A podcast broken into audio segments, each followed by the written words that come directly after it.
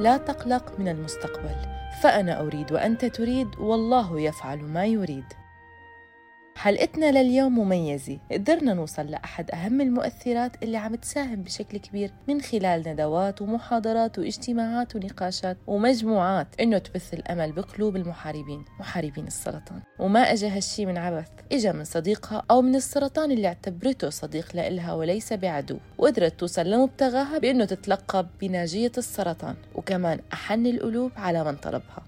معكم ليلى جمال. ببساطة منو ليلى جمال؟ ليلى جمال إنسانة عادية جدا عائلتها بسيطة. يعني بالمختصر المفيد ليلى جمال إنسانة عادية والحمد لله على كل حال أم لعشر من الأبناء منفصلة أعشق عائلتي بجنون. وهلأ بلشت الحكاية عام 2010 في شهر عشرة بالضبط تشخصت في مرض سرطان الغدد الليمفاوية وسرطان الثدي. المرض هذا كنت أسمع عنه كنت أقرأ عنه لكن سبحان الله انصبت فيه. الحمد لله على كل حال. مرض الغدد الليمفاوية وسرطان الثدي سبحان الله كانوا مع بعض. تشخصت فيهم في 2010 تقريبا يعني في شهر التوعية عن سرطان الثدي. عن ردة فعلها لليلى لما تلقت خبر إصابتها. شيء جميل إنه لما الواحد لما ينصاب في هذا المرض يقارن نفسه في ردة فعله. للأمانة أنا حاشني شيء كأنه جمود. آه شلون لما الشيء يتجمد قدامك يصير فروزن ما يتحرك أنا كذي. حاشني نوع من الثبات مع الجمود. يعني تلقيت الخبر هذا أن أنا مصابة في سرطان الثدي والغدد الليمفاوية. يمكن ما في بكاء ما في عويل ما في خوف ما في جزع ولكن في شيء من الجمود الغريب يعني. وهذا الجمود يمكن الله نزل علي الراحة أو يمكن أنا من الصدمة. ردة الفعل هذه غريبة علي كانت ولكن هذه كانت ردة فعلي ردة فعل غريبة جدا اللي هو الجمود صدمة بدون جزع بدون خوف بدون بدون عويل بدون صراخ بدون هستيريا. هذه كانت ردة فعلي. جمود كأن الوقت وقف معاي وثبات بنفس الوقت يعني. وايد وايد أفكار تجينا في لحظات كثيرة. أبي أسوي وأبي وأبي وأبي وأبي ولكن وقت اللي أنا سمعت يعني هذا المرض أول تفكير راح للأمانة عائلتي. يعني أنا كل الأفكار اللي كانت تدور كانت صورة مربعة قدامي اللي هي عائلتي وشلون راح أبلغهم إن أنا أصبت في مرض السرطان وإن أنا المعيل الوحيد لهم أنا الأم أنا الأبو. فشلون راح أبلغ هالعائلة إن أنا مريضة سرطان مرض السرطان من كثر ما نسمع عنه يخرع ويخوف ويموت وما في علاج ونهاية حياة وخلاص الله الله يشافيك. بس يعني الله يشافيك تنقال لنا وفيها مثل نوع من اليأس. لما أنا يعني عرفت في هذا المرض؟ تقبلته لأن أنا عندي يقين كبير برب العالمين رب الخير ما راح يعطيني إلا خير. وإن هذه الابتلاءات ما هي محنة هذه منحة من رب العالمين لي علشان أنا أستمر في حياتي. وبلشت رحلة العلاج. لما الواحد يكون قاعد يشوف فيلم وناس من قبل قالوا له ترى هذا الفيلم راح يصير فيه كذي وراح يصير فيه كذي أنا كنت أسمع وأقرأ عن العلاج الكيماوي. كانوا يقولون إن العلاج الكيماوي علاج يخوف علاج يصروع علاج راح يتعبك علاج يمكن ما تتحملينه وتموتين. هذه الأفكار اللي كانت موجودة عن العلاج الكيماوي. لكن أول جرعة كيماوي خذيتها من تجربة مريضة كانت معي في الدوام أمها كانت تعبانة فكانت تقول لي أنا كنت أحط حق أمي بطل ماي وأحط لها تفاحة يمها علشان ما تجيلها اللوعة وإنه يعني تتضايق. سبحان الله أنا مشيت على تجربة إنسانة كبيرة في السن. ما تقرأ ولا تكتب ولا تدخل website ات ولا تدور في المواقع ولكن فطرتها تقول لها الماي والتفاح. زين حقت في فترة الكيماوي. وأنا مشيت على كلامها والحمد لله تخطيت أول جرعة كيماوي لأني عرفت أن هذه الأم اجتازت هذه الجرعة في هذا الشيء. فقلت إن شاء الله ربي يسخر لي نفس اللي سخر لها والحمد لله. الله بعت لليلى حدا يعطيها طريقة ليخف خوفها من العلاج. وبالفعل ما شعرت بالخوف والألم أثناء تلقيها للعلاج. وبعد هيك بلشت أعراض الجرعة الأولى.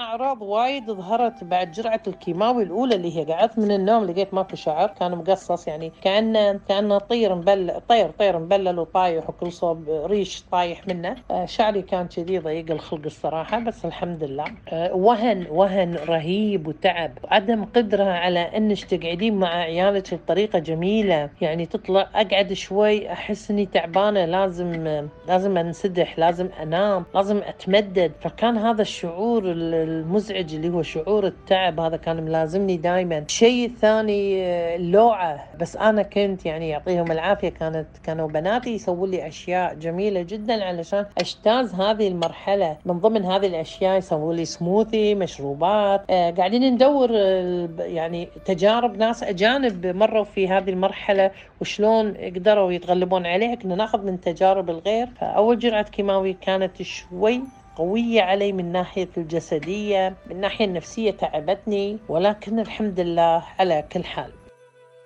من المواقف اللي كان السرطان سبب لحتى تحس ليلى بقوتها وعزيمتها وفخرها بنفسها.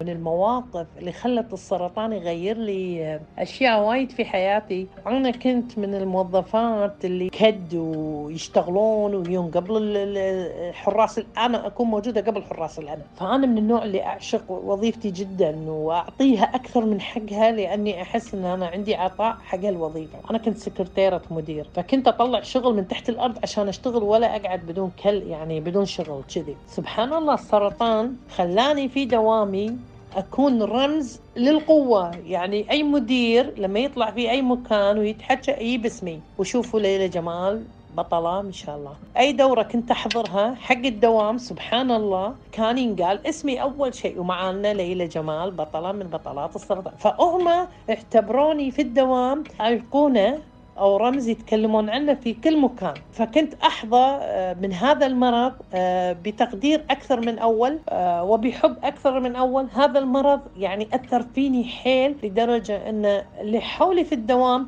عاملوني معاملة مميزة مو لأني مريضة لأني قاعدة أداوم وأيام الكيماوي على فكرة. كنت أروح وأداوم. بعدين اضطريت أخذ إجازة لأني حسيت إني محتاجة للراحة. لكن فعلا فعلا مرض السرطان أحاطني في حب كبير ما أقدر أنسى هذه المواقف في حياتي.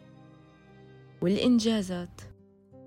لما بتكلم عن الإنجازات اللي سويتها في فترة المرض إنجازات جميلة جدا. أنا لما يجيني اتصال من دكتور في مستشفى مكي جمعة KCCC ويقول لي عندنا مريضة ليلى مو راضية تاخذ العلاج الكيماوي رافضة العلاج الكيماوي وسلمت أمرها إلى رب العالمين وإن نهاية هذا المرض راح يكون الموت. ولما تتصل علي بنتها أو بنت أختها ويقولوا لي ليلى تعالي كلميها لأنك مريتي في هالفترة. تخيلوا. كانوا يتصلون علي علشان أروح أشوف المريضة هذه. لما رحت لها مرة كبيرة آه، رافضة العلاج مسلمة أمرها لرب العالمين قلت لها يمه أنا قدام تشوفيني؟ الحمد لله اشتست المرض؟ الحمد لله زلت في طور التعافي ولكني الحمد لله آمنت أن رب العالمين أعطاني هذا الابتلاء علشان لما يدقون علي مرة ثانية يقولوا لي خذت العلاج؟ هذا إنجاز هذا تغيير هذا شيء جميل. آه الإنجازات وايد. خاصة مع السرطان أنا كانت عندي إنجازات جميلة جدا قدر آه، ألتقي في ناس يعني ويضافون لمسيرتي ناس مميزين ناس معروفين يضافون لمسيرتي في آه، السرطان. وعن الهدف اللي عم تسعى له ليلى. ليلى جمال هدفها في الحياة التطوع إسعاد المرضى. إدخال البهجة والسرور في قلوب من يحتاجهم. صعب جدا صعب صعب جدا إنك تسعد شخص حط قدامه الأمل غير موجود. وصعب جدا إنك تزرع أمل عند ناس قالوا السرطان نهايتنا. هدفي إني أحط عليهم مكبر هالناس وأتعب معاهم شوي وأغير هذه النظرة اللي عندهم.